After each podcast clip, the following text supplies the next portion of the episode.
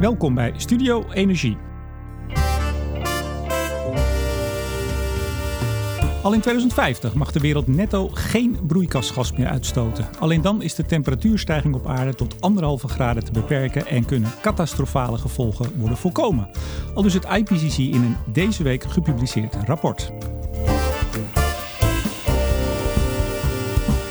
Helpen de steeds alarmerender waarschuwingen eigenlijk nog wel of demoraliseren ze de mens vooral? Ik vraag het aan een van de twee Nederlandse hoofdauteurs van het IPCC-rapport. Mijn gast deze week is hoogleraar omgevingspsychologie Linda Steg.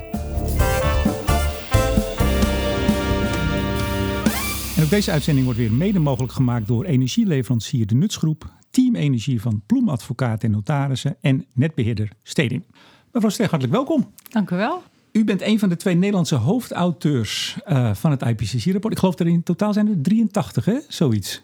Oh, dat weet ik niet eens. Maar zo, ja, Flink wat, hè? heel veel. Ja, er waren vijf verschillende hoofdstukken waar veel auteurs aan hoe word, je, hoe word je hoofdauteur van een IPCC-rapport? Uh, in mijn geval uh, werd ik gevraagd om uh, een nominatie in te dienen. Want ze waren op zoek naar een gedragswetenschapper die bijdrage ging leveren gevraagde nominatie, dan word je gevraagd: Goh, ja, heb je er zin in? Uh, en een soort motivatie, een soort sollicitatie. ja, het bureau van de IPCC vroeg uh, of ik uh, ja, een nominatie wilde indienen. Maar hoe kom je dan op zo'n shortlist? Want ik neem aan dat ze niet... Of vragen ze iedere gek en dwaas? Van, nee, ik denk dat ze rondgevraagd hebben van uh, wat voor, welke gedragswetenschappers met dit thema bezig zijn. En dat ze toen bij mij terecht zijn gekomen. Ja, want dat thema dat is uh, uh, hoofdstuk 4 van de 5. Strengthening and implementing the global response to the threat of climate change. Ja, dat is helemaal vol. Ja, dat is helemaal. Nou, we hebben vooral gekeken uh, wat er moet gebeuren om te zorgen dat er uh, tijdige actie wordt genomen om klimaatverandering tegen te gaan. En we hebben daarbij uh, verschillende factoren besproken die, dat be die de mogelijkheid om klimaatverandering tegen te gaan be beïnvloeden. En een van die factoren was gedragsverandering. En dat is mijn expertise. Daar gaan we het zo uitgebreid over hebben. Ja. U, we zitten op uw kamer in Groningen. Ja. U bent hier hoogleraar. Ja. Um, het is maandag. Uh, het rapport is vannacht, eigenlijk vannacht Nederlandse tijd, gepubliceerd. Veel reacties al? Ja, er is heel veel aandacht voor, gelukkig. Want uh, dat wil je natuurlijk ja, je ook. doet het niet voor niks nee, onderzoek. je rapport. hebt heel veel tijd aan uh, besteed. Ja, nee, er is veel belangstelling voor, internationaal ook. Want de andere hoofdauteur, Helene de Koning, ja. Universiteit Nijmegen, die zit nu in Korea. Ja. mocht u niet mee, wilde u niet mee? Hoe zit dat? Ja, het paste heel slecht in mijn agenda. En uh, ik was gewoon op afstand beschikbaar. Dus ik heb heel regelmatig contact met uh, mensen gehad die in Korea zaten. U hebt andragogiek gestudeerd. Ja. Denkt u dat alle luisteraars weten wat dat is? nee, dat denk ik niet. Wat is dat? De beste vertaling is denk ik veranderkunde. Dus het gaat over hoe je veranderingsprocessen in gang kunt brengen in de maatschappij. Maar ik ben gepromoveerd in de psychologie. Ja, want u bent ook gepromoveerd op, ik dacht, onderzoek naar beïnvloeding van uh, uh, iets met autorijden. Ja. Dat, vertelt ja. u het even. Ja, autogebruik. Ja, dus wat motiveert mensen om hun autogebruik te verminderen en welk beleid vinden ze acceptabel? En dat onderzoek is uitgevoerd in de tijden van het SCV2, waar dit nog een belangrijk issue was. Oké. Okay. Over het rapport van vannacht. Uh, Greenpeace noemde het al het, het meest belangrijke klimaatrapport deze eeuw. Ja. Dat, ja. Dat, ja. Nou, dat weten we nog niet, denk we ik. Nog, maar... We hebben nog 82 jaar, maar goed. Maar Ja. het geeft wel even aan. De reacties zijn echt, dit is het rapport. SR15, Special Report 15. In aanloop eigenlijk naar de klimaatconferentie in december in Polen. Even, de, misschien voor de hand liggende, maar toch een belangrijke vraag. Waarom is dit rapport gemaakt? Uh, dat uh, is afgesproken tijdens de onderhandelingen in, uh, voor het Parijsakkoord. Dat er daar is afgesproken om klimaatverandering te beperken tot 2 graden. En daar is onderhandeld toen dat er een speciaal rapport zou worden uitgegeven om te kijken of het mogelijk is klimaatverandering te beperken tot anderhalf graad. En wat dan de gevolgen al zijn voor ja, de maatschappij en de natuur en het milieu. Dus dat is toen afgesproken, onder andere omdat een aantal uh, eilandstaten ook be bezorgd is over de gevolgen van klimaatverandering voor hun. Ja, want dat was eigenlijk ook alweer een soort compromis. Hè? Dus, dus well below 2 degrees. Ja. En, en dan liefst anderhalf. Ja. En toen moest er een rapport komen van wat betekent het nou eigenlijk als het het een of het ander ja, zou worden. precies. Wat zijn de grote verschillen tussen de twee? En is het überhaupt mogelijk om klimaatverandering te beperken tot anderhalf graad? En wat zijn dan al de consequenties?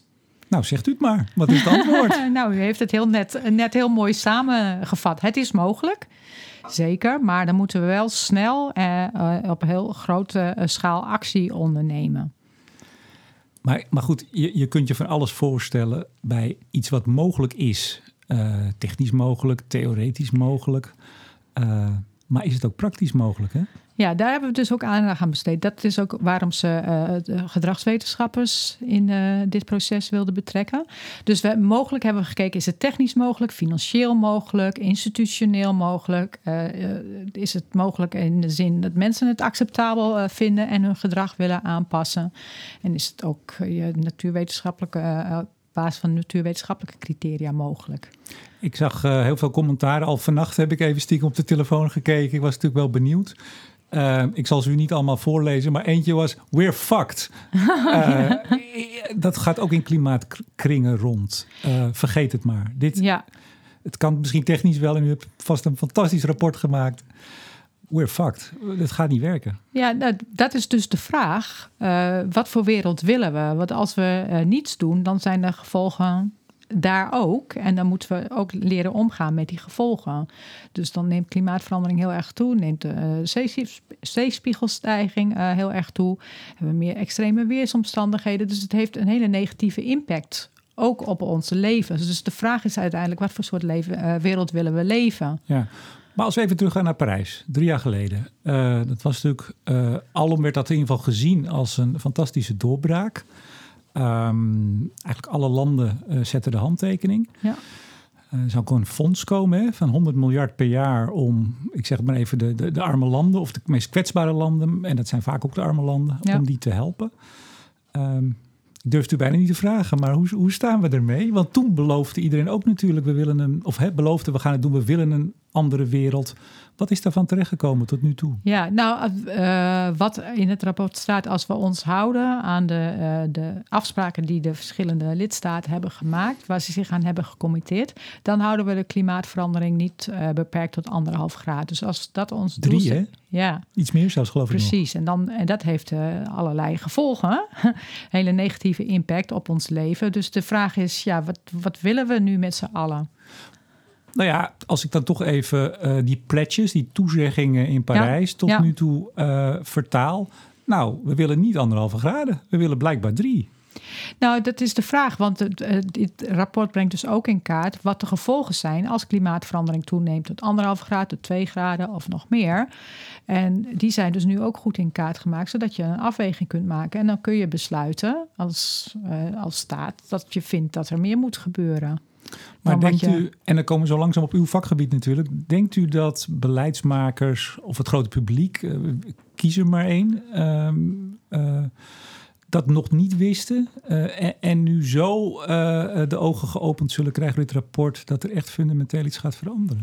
Ik denk dat, het, dat heel weinig mensen precies weten wat de gevolgen zijn en welke afwegingen er moeten worden gemaakt of kunnen worden gemaakt. Die 100 miljard is er ook nog niet trouwens, hè?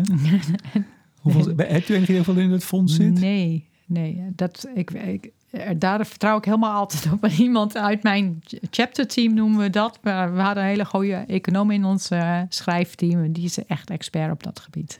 Ik, ik, ik kom zo weer graag terug op, op de inhoud. Ik wil toch nog even naar de totstandkoming van zo'n rapport. Ja. Want dit was voor u ook de eerste keer. Ja. Hoe gaat zoiets?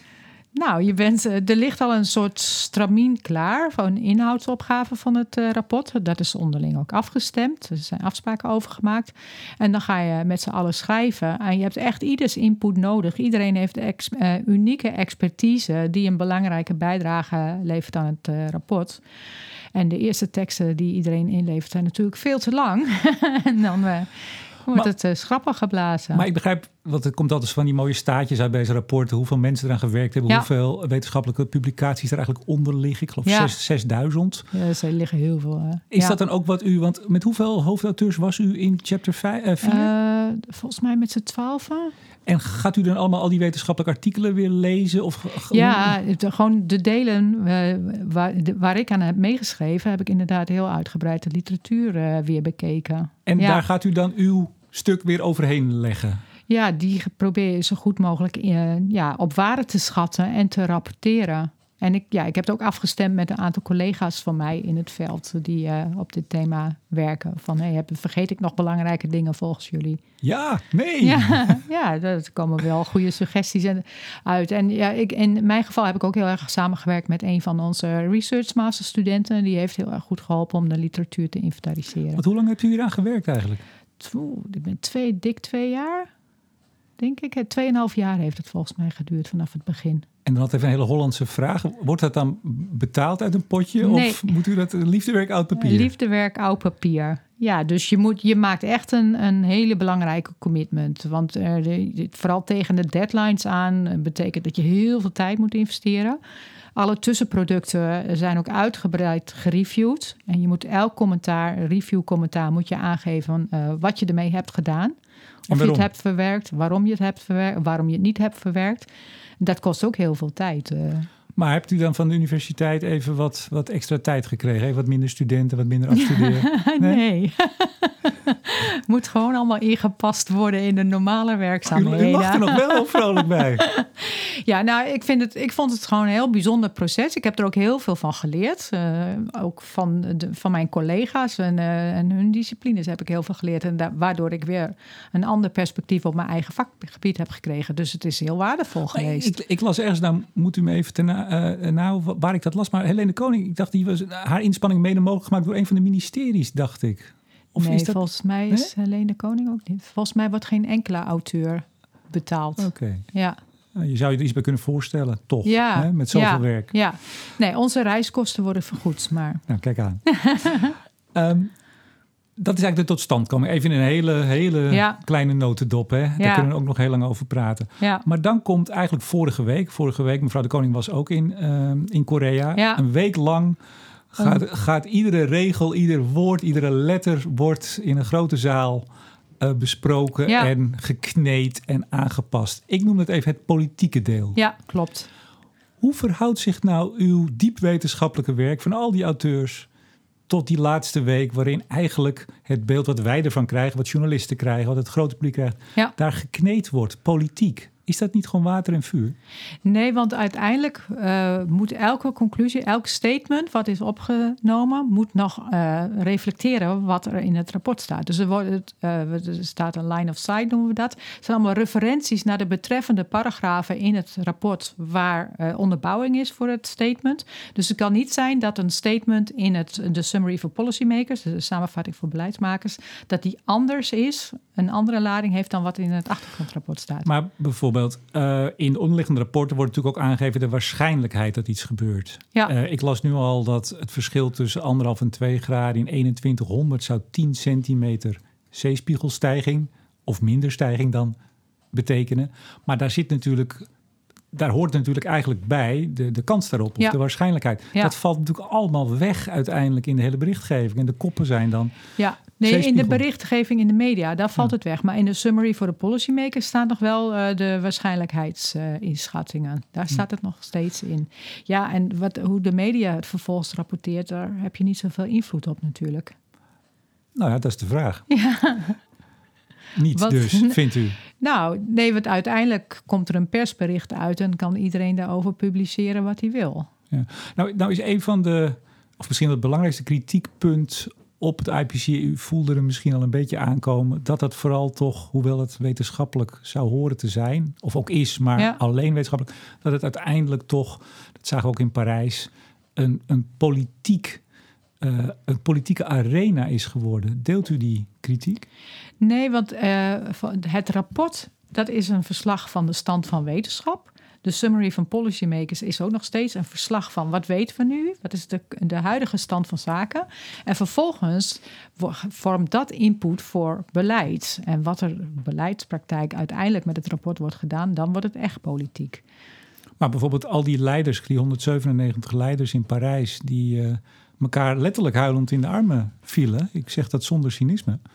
eh, die dan volgens zo'n fonds niet vullen en hun toezeggingen bij lange na niet genoeg zijn om wat ze hebben toegezegd waar te maken. D- nou ja, la- laat ik het u vragen. Hoe kijkt u daarnaar? Ja, dus de, Als mens even dan toch? Ja, als mens. Nou, natuurlijk eh, hoop ik dat de commitments die worden gemaakt, dat die nagekomen worden. En eh, daarom is het ook heel belangrijk dat degenen die de beslissingen nemen weten wat er leeft onder het publiek. Want het kan best zijn dat ze het uh, publieke draagvlak te negatief inschatten. Vaak blijkt dat mensen bereid zijn veel meer te doen dan wat politici uh, denken. En dat mensen uh, veel meer dingen willen doen om een, goede milieukwaliteit, klimaatverandering tegen te gaan dan wordt verwacht. Dat is een prachtig bruggetje naar uw, ja. uw expertise. Ik had hem al voor me liggen, het onderwerp. Mooi. Um, want u, even, even iets breder, u, u, kijkt niet alleen naar klimaatverandering, u zei al autorijden, uh, energietransitie in het algemeen. Ik heb u ook wel eens, dacht ik, over Groningen gehoord, over de aardbevingsproblematiek. Ja, Hoe zou u even de kern van uw onderzoek samenvatten op al die terreinen? Ja, nou wij doen onderzoek naar, uh, ik ben omgevingspsycholoog, dus we doen onderzoek te, naar de interactie tussen mensen en omgeving. Dus hoe beïnvloeden omgevingscondities ons welzijn en gedrag? Aardbevingen in Groningen is dan een van die condities. En wat motiveert mensen om meer duurzaam gedrag te vertonen, zodat de milieukwaliteit uh, verbetert.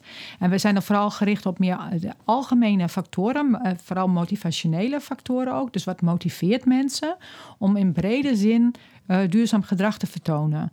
En klimaatverandering, dat is heel erg gerelateerd aan energieverbruik. En bijna al ons gedrag is gerelateerd aan energieverbruik. Dus het is heel breed. Ja, dan voelt u natuurlijk de eerste vraag al aankomen. Wat motiveert ons? Ja, Vertel het ons. Nou, veel meer. Dat hebben we in het uh, rapport ook samengevat. Dat mensen zijn niet alleen maar gemotiveerd door hun eigen belang of door uh, financieel gewin. Maar ook uh, worden ook gedreven door emoties die ze voelen. Dus als iets sterke emoties oproept, kan het ook een gedragsreactie teweeg brengen. mensen zijn ook, nemen ook in overweging wat hun gedrag betekent voor andere mensen. Dus het, het welzijn van anderen is ook een belangrijk criterium. En de kwaliteit van natuur en milieu is ook iets waar heel veel mensen rekening houden, mee houden in hun keuzes. Niet consequent, maar het is wel een belangrijke factor.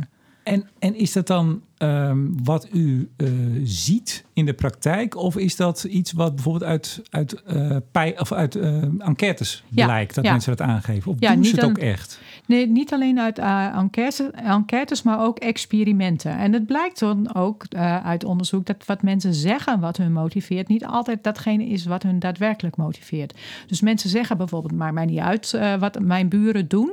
Maar uit onderzoek blijkt dat als je weet wat je buren doet, kan het jou motiveren om ook je gedrag aan te passen. Een van de belangrijkste geloof ik zelfs, hè? Nou, niet altijd een, maar het is wel een, een belangrijke factor. Mensen zeggen bijvoorbeeld ook, ik word heel erg gemotiveerd door uh, geld. Uh, als iets geld oplevert, nou, dan ga ik dat doen. Terwijl uit experimenten blijkt dat dat niet altijd het belangrijkste motief is. Dat milieuoverwegingen heel vaak een veel belangrijke rol spelen. Maar als u nou kijkt, want dat, dat onderzoekt u, de energietransitie in Nederland neem ik toch ook vooral aan, hè, dat ja. u die goed volgt.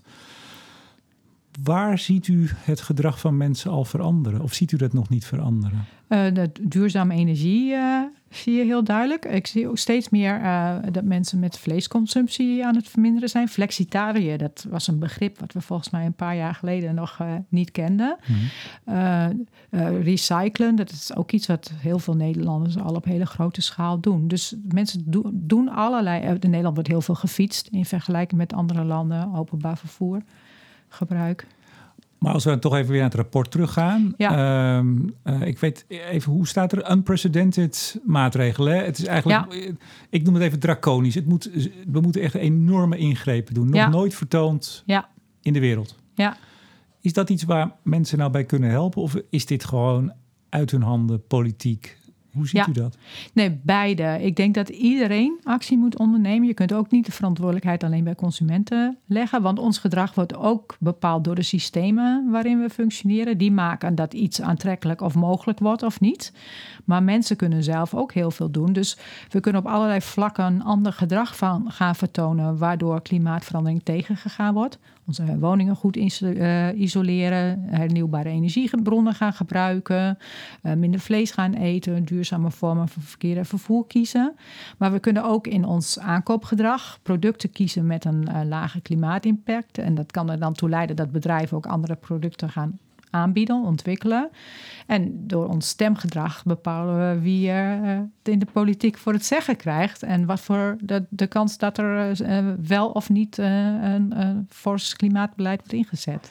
Maar dit is er altijd het moment in het gesprek dat ik met wat feiten moet komen over Goed. bijvoorbeeld onze, onze, de hoeveelheid duurzame energie die we opwekken. Zon gaat best hard, maar dat is natuurlijk maar echt relatief heel erg weinig. Ja. Uh, Schiphol breekt record op record als het gaat over vliegen. Ja. Ben ik dan te somber misschien? Nee, dat, dat zijn hele terechte opmerkingen. Daar moet op uh, veel forse uh, actie worden ondernomen om het uh, voor elkaar te krijgen. Dus we moeten veel meer investeren in duurzame energie. Maar goed, bijvoorbeeld... wind op zee bijvoorbeeld, hè, dat is eigenlijk een beetje de kurk waar de Nederlandse transitie de komende decennia op zou moeten drijven. Moet het kabinet niet gewoon normering, zoals dat zo mooi heet, gewoon minder vliegen? uh, toch dan dat rekeningrijden invoeren? Want u hebt, u hebt autogebruik, daar bent u op gepromoveerd. Dat schiet geloof ik ook nog steeds niet heel erg op, hè? het verminderen daarvan, of wel? Nee, maar daar wordt ook heel vaak gedacht dat uh, prijsbeleid, bijvoorbeeld in verkeer en vervoer, dat we daar maar niet aan moeten komen, omdat er uh, massale uh, weerstand optreedt, dat het publiek dat niet wil. In ieder geval bij de VVD. Ja, maar wij, ik doe al heel lang onderzoek met een, een groter interdisciplinair team naar prijsbeleid. En wanneer de, in de tijd dat rekeningrijden heel erg ter discussie stond in Nederland, de, in die tijd heeft de ANWB een onderzoek gedaan onder haar leden. En daar bleek ongeveer 50-50 voor tegen was. Dus het draagvlak is veel, zelfs onder ANWB-leden, is helemaal niet zo heel laag. Maar de vraag is dan natuurlijk, waarom doen we het dan toch niet? Ja, omdat er de media de indruk geeft dat wel heel veel mensen tegen zijn. En er zijn natuurlijk lobbygroepen uh, ook actief. Maar er zijn ook voorbeelden uh, dat er wel dit soort beleid gewoon is ingevoerd. En waardoor zelfs het draagvlak in de loop van de tijd toenam, omdat mensen zagen: oh, dat is helemaal nog niet zo gek. Het heeft eigenlijk ook heel veel voordelen die ik van tevoren niet had verwacht. Maar politieke partijen zijn volgens mij heel erg goed en eh, heel verfijnd bezig om te kijken wat hun achterban wel en niet wil. Zitten die dan op een verkeerd spoor, zoals bijvoorbeeld de VVD bij rekening rijden? Of zit er misschien toch een, een breder ander beeld nog achter? Ja, ik, dat weet ik niet. Het is ook niet mijn vakgebied. Ik zou ik weet niet hoe goed ze op de hoogte zijn van wat er in hun achterban uh, leeft. Maar ze, ze, hebben natuurlijk ook te maken met lobbyisten die proberen het beleid te beïnvloeden. Ja. In het rapport, komen we even op terug, hoofdstuk 4, uw hoofdstuk. Wat zijn daar de belangrijkste conclusies of aanbevelingen? Hoe kunt u dat het best verwoorden? Nou, dat er uh, allerlei, uh, we noemen zes factoren zijn die het meer waarschijnlijk maken dat, we, dat wij klimaatverandering tegen kunnen gaan. En dat we ervoor kunnen zorgen dat mensen niet te veel schadelijke gevolgen ondervinden van klimaatverandering die dan toch nog optreedt. En wat is de belangrijkste? De, op, de financiële uh, maatregelen of de, de financiën moeten op een andere manier worden georganiseerd. je moet uh, investeren in duurzame technologie bijvoorbeeld. En dat het hoofdstuk waar ik het meest bij betrokken ben geweest. Je moet mensen ook motiveren om hun gedrag aan te passen. Plus goed over, in overweging nemen. Wat maakt nu dat ze klimaatbeleid acceptabel vinden? En welke voorwaarden moet ik creëren om te zorgen dat het leefbaar blijft voor mensen. Nou zijn we in Nederland bezig om een klimaatakkoord te onderhandelen. Ja. Daar wordt hard aan gewerkt. Uh, de eerste voorstellen die voor de zomer kwamen, dat waren ook nog maar voorstellen. Dat was nog geen onderhandelingsresultaat. Uh, in de politiek, uh, nou, rommelt het ook, zou je zou kunnen zeggen. CDA met name, die waarschuwt voor een, een mogelijke splijtswam, een revolte zelfs. Nou was Greenpeace vanochtend, die had al het commentaar op het rapport uh, klaar. We moeten geen 49% reductie, maar 60%. Terwijl we dus met die onderhandeling al zien dat 49 heel erg lastig is. In hoeverre denkt u nou dat het grote publiek die dat meekrijgt, want het was overal dat bericht, um, hierdoor gemotiveerd wordt? Of misschien wel, en ik zei het al een beetje in de inleiding, misschien wel gedemotiveerd. Ja, omdat de boodschap te bedreigend uh, is. Ja, nou ja, u, u, weet ook, denk ik, maar misschien voor de luisteraars toch nog even om ze bij te praten. Uh, morgen komt de uitspraak in het Urgenda hoger beroep. De rechter heeft in 2015 gezegd dat we 25% moeten halen. We zitten nu op 13 vorig jaar. Dat gaan we dus al niet halen. Zelfs de rechter kan het niet bewerkstelligen. Oftewel, als je de lagere doelen uh, niet haalt, wat heeft het dan voor zin en wat gaat er voor boodschap uit aan het publiek om nog grotere, nog zwaardere maatregelen aan te kondigen en de noodzaak daarvan nog meer te benadrukken? Ja, nou, ik denk dat het belangrijk is uh, dat je ook heel duidelijk moet maken wat het perspectief is als we uh, bijvoorbeeld alleen maar een 13% reductiedoelstelling houden. Want klimaatverandering gaat ho hoe dan ook onze levens uh, maar dat, weet, dat, weten mensen toch wel, mevrouw Sterg. Nou, die, weten denk... toch, die hebben El Gore gezien. Die, die zien bijna dagelijks op het journaal wel uh, het extreme weer... wat direct wordt gelinkt aan klimaatverandering. Denkt u nou echt dat ze het nog niet weten? Nee, ik denk niet dat mensen die, dat zich heel goed laten doordringen... wat de gevolgen zijn uh, van niets doen... en hoe onze maatschappij, onze wereld eruit komt te zien. Maar dan is misschien de vervolgvraag... Uh, wij in Europa, in ieder geval de EU, moeten naar beneden. We hebben nu die 40% reductie. Dat zou omhoog moeten. Dat is de boodschap ook um, vandaag voor die anderhalve graden. Andere landen mogen nog stijgen. Hè? Onderontwikkelde landen of opkomende landen. In hoeverre uit uw onderzoek, uh, op, op uw onderzoek voortbouwen, denkt u dat Nederlanders bereid zijn om zelf uh, offers te brengen? Zodat bijvoorbeeld men in China of in India of in Afrika nog wat welvaartsontwikkeling kan gaan doormaken en dus meer uitstoot. Ja, maar de vraag is ook of het alleen maar gaat om hele grote offers brengen. Want wat ik al zei, het, het, je moet er niet van uitgaan dat er in het huidige systeem mensen heel drastisch hun gedrag aan kunnen passen of willen passen. Maar kan het zonder dan?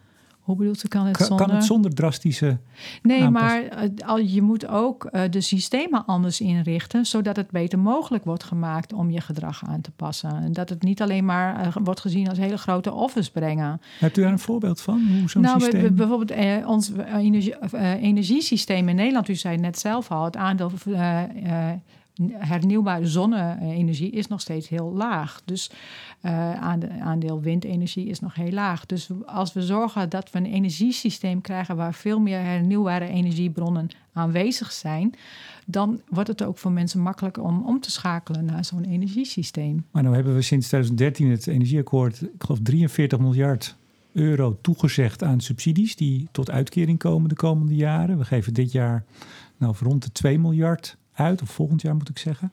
Ehm, en nog staan we op 6,6. Dus we doen best veel, maar het schiet natuurlijk niet zo op. Niet genoeg, denk ik. Of graag de vraag aan u. Ja. Om die anderhalve graden te halen. Dan. Ja, nee, er moet meer gebeuren. Dat klopt. En maar we moeten ook niet alleen maar proberen mensen te motiveren met geld. Je moet kijken wat zijn nou de belangrijkste uh, motivatoren of wat zijn de belangrijkste belemmeringen voor mensen om daar nu nog niet in te investeren. En hoe kan ik hen helpen om uh, dit beter mogelijk te maken. Nou, nou zegt uh, het IPC, zegt u en uw collega's zeggen ook kernenergie en CCS, het afvangen en opslaan van CO2. Het zijn mijn woorden even Essentieel, fundamenteel, kunnen we niet zonder. Uh, hebt u ook onderzoek in Nederland gedaan naar de acceptatie van kernenergie? En, ja, de kernenergie daar heb ik zelf een, een tijdje terug, dus al even een paar jaar terug onderzoek gedaan. Het was het draagvlak hoger dan ik had verwacht. Uh, in wezen. CCS, inderdaad, dat is niet iets waar mensen om staan te springen. En dat bedoelde ik net ook. We moeten daar afwegingen maken. Als we willen dat klimaatveranderingen uh, verminderd worden en we willen geen CCS, betekent dat we nog uh, meer ons gedrag moeten aanpassen om te zorgen dat die, de CO2-uitstoot binnen de perken blijft. Maar, maar nou is CCS of de, de weerstand daartegen wordt eigenlijk sinds het begin van dit kabinet, toen het regeerakkoord uitkwam en daar wel heel erg veel CCS in stond, werd dat door met name Natuur en Milieu, maar ook wel andere NGO's, werd daar flink meteen tegen geageerd. Um, denkt u dan ook niet dat de NGO's misschien iets minder strak moeten zijn in meteen oplossingen die, nogmaals het IPCC, die u en uw collega's voorstellen, om die meteen af te schieten. Ja, nou, er, er zijn, uh, die, die studies zijn ook nog net opgenomen in het rapport. Er zijn ook studies gedaan om te kijken of we de klimaatverandering kunnen beperken tot anderhalf graad zonder uh, negatieve emissietechnologieën zoals CCS. En dat is mogelijk, maar dat betekent dat er meer gedragsverandering nodig is. Dus er moeten afwegingen worden gemaakt. En bij allerlei oplossingen die we willen doorvoeren, als er een een gebrek is aan draagvlak, als mensen het niet acceptabel vinden, is het ook belangrijk om te kijken waar komt het vandaan. En uh, komt het nu echt dat mensen helemaal deze oplossing niet willen? Of komt het omdat uh, hun belangen niet voldoende zijn meegewogen? Of dat ze niet gehoord zijn in de besluitvorming? Zodat je echt wel overwogen een, een beslissing maakt over wat acceptabel is en wat niet. Of dat ze misschien lam geslagen zijn van de enorme doemscenario's. Ja, dat, dat, maar dat is dus ook heel belangrijk. Dat je niet, en dat is ook de, uh, de centrale boodschap in het rapport. Het is niet een doemscenario van, oh, de, de wereld gaat vergaan uh, en we kunnen er niks meer aan doen. Maar het is van, het is nog mogelijk, maar dan moeten we wel snel actie ondernemen. U moet denk ik ook wel optimistisch zijn als acteur, of niet? Ik ben een optimistisch persoon. Nou, dat lijkt Zit me in mijn wezen. dat lijkt me heel goed in uw werk. Eh, eind dit jaar, december, begin december, Polen. Eh, COP 24. Gaat u daarheen? Eh, nee, nee. Ik ga daar niet heen. Nee. Wat moet daar gebeuren? Want dit rapport is eigenlijk ter voorbereiding op die conferentie. Om nu duidelijk te maken dat gat tussen anderhalf en twee. Wat betekent dat nou? Dat is Ja. nu helder in kaart. Ja, Wat zou er nu moeten gebeuren op COP 24? nou duidelijk eh, afspreken eh, voor welk scenario we gaan. En dan ook commitments aangaan om te kijken of we dat kunnen realiseren. Dat Hoe we dat gaan realiseren. Dat was er in Parijs ook. Maar Ja. het bleek toch niet, uiteindelijk niet genoeg althans. Nee, dat, nee, maar goed, dat is voortschrijdend inzicht. Maar bent u, hoe groot, laat ik het zo hoe groot acht u de kans dat er weer zo'n scenario gebeurt? Iedereen is geschrokken, toch? Ja, Ook al is er dan nog een scenario dat we het wel kunnen redden, zegt u. Het is mogelijk. Iedereen schrikt vandaag, morgen, de komende weken. Bent u niet bang dat het misschien weer gebeurt? ja natuurlijk ben ik bang. Maar ik hoop eh, dat, we, dat de wereld zo verstandig is om hier goede keuzes in te maken. En dan natuurlijk de hamvraag. Gaan we met z'n allen en met uw onderzoek erbij die anderhalve graden, het tot anderhalf beperken? Even, wat denkt u? Ja, dat vind ik heel moeilijk om te, om te voorspellen. Het hangt ervan af eh, of hoeveel mensen die commitment aan willen gaan en zeggen van eh, we gaan dit met z'n allen, we vinden dit niet acceptabel en we gaan daar iets aan doen. Snap ik, maar wat is... ik ga toch nog even door en ik vraag... u- Buikgevoel heet dat, hè? Gewoon gut feeling. Eh, Gezien wat we gezien hebben in Parijs. U hebt eh, lang aan dit rapport gewerkt. Ehm, u ziet nu ook vandaag de media daaroverheen gaan.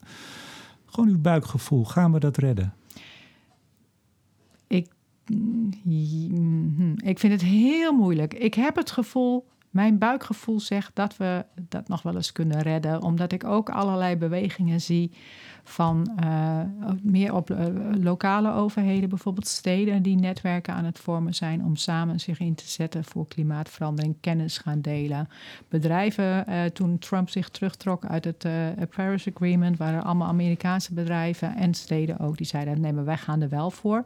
Dus er zijn ook allerlei krachten eh, van belangrijke partijen die ook echt veranderingen eh, teweeg kunnen brengen, die, eh, ja, die commitments aangaan en zich ervoor in willen zetten. Maar dan, Dus hebben, we, ik- dan hebben we het ook nog vooral over natuurlijk de westerse ontwikkelde wereld. En het, het probleem, om het zo toch maar even te zeggen, zit natuurlijk vooral in die opkomende landen en hun enorme energiehonger de komende Ja, maar dan Ja, is de vraag hoe we dat op een goede manier kunnen eh, faciliteren, zonder dat dat meteen heel eh, negatieve gevolgen voor klimaatverandering eh, heeft. En hoe we ervoor kunnen zorgen dat het tegengaan van klimaatverandering samen kan gaan eh, met eh, het halen van de Sustainable Development Goals. En daar gaat het laatste hoofdstuk van het rapport over. Daar ben ik niet bij betrokken geweest. Maar eh, wat fascinerende is dat ze daar laten zien dat tegengaan van klimaatverandering en het goed omgaan met de negatieve impact van klimaatverandering, dat het heel goed kan samengaan met de realisering van de Sustainable Development Goals. Dus dat is hoopgevend. Ik, ik help het u hopen. Linda Steg, hoogleraar omgevingspsychologie en een van de hoofdauteurs van het nieuwe IPCC-rapport. Hartelijk dank voor dit gesprek. Graag gedaan. Ik bedank ook deze week weer energieleverancier de Nutsgroep, Team Energie van Ploemadvocaat en Notaris en netbeheerder Steding voor het mede mogelijk maken van deze uitzending. En uiteraard bedank ik jou, beste luisteraar, voor het luisteren. Mijn naam is Remco de Boer. Graag tot volgende week.